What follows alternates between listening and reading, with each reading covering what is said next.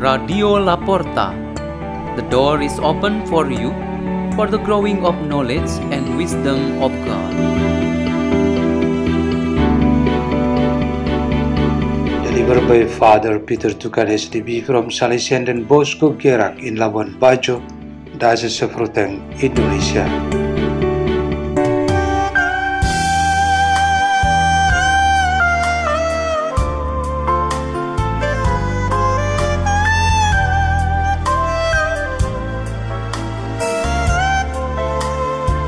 Reading and meditation on the Word of God on Tuesday of the second week of Lent, February 27, 2024.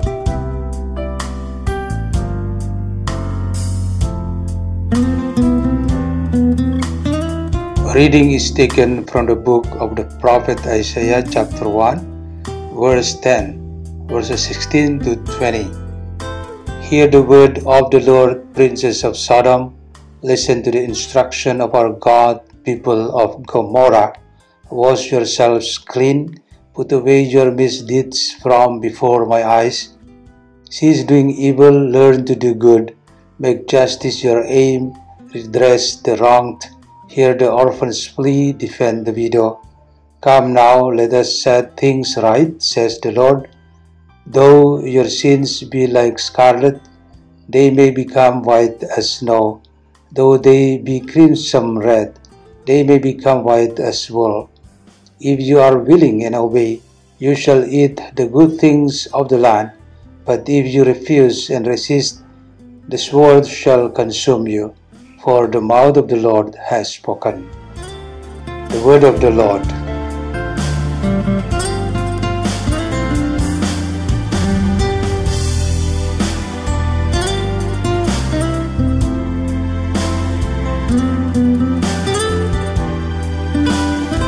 Our meditation today has the theme to become credible.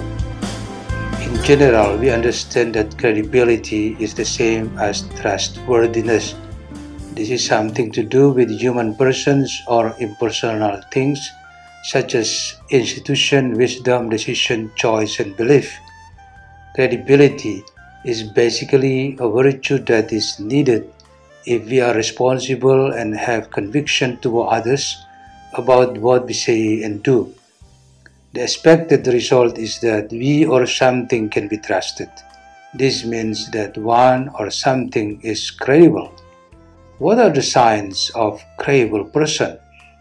Today, the Lord Jesus teaches us one fundamental characteristic of the virtue of credibility. He uses the profiles of the Pharisees and the scribes as example they were good in talking and seemed so convincing with their thoughts and arguments, but obviously their fault was that they didn't do what they said. Credibility really demands that there should be a proportional connection between what is said or discussed with what is done. Words and actions are interconnected. Theory is expressed in practice. Credibility can stand straight and be useful if its both feet are in function, namely words and deeds. Those who were criticized by Jesus only stood on one foot, which were their words. Their deeds were just empty. They were actually crippled. So Jesus' advice is this just listen and follow what they say, because it has values and wisdom but never follow their actions. Words and thoughts or concepts are easier to be made because they do not require much sacrifices, especially when the aim is to attract, to influence, and to do promotion. Words can be arranged in such fashion, which is nice to people's hearing, and to encourage feelings and sentiments. But this is still incomplete this is still limping. Deeds and actions that have moral influence contain principles of faith and support human universal values have their best standard of credibility compared to ordinary actions such as walking, eating, or drinking. The prophet Isaiah highlighted the acts of justice and compassion. If people only speak purpose theory, promise, and discuss about creating justice and the importance of compassion, yet no action made on justice and showing compassion to others, their credibility in faith and moral standards are questionable. They may feel so confident to talk and explain things, but they are degrading their quality as human persons because they are not credible.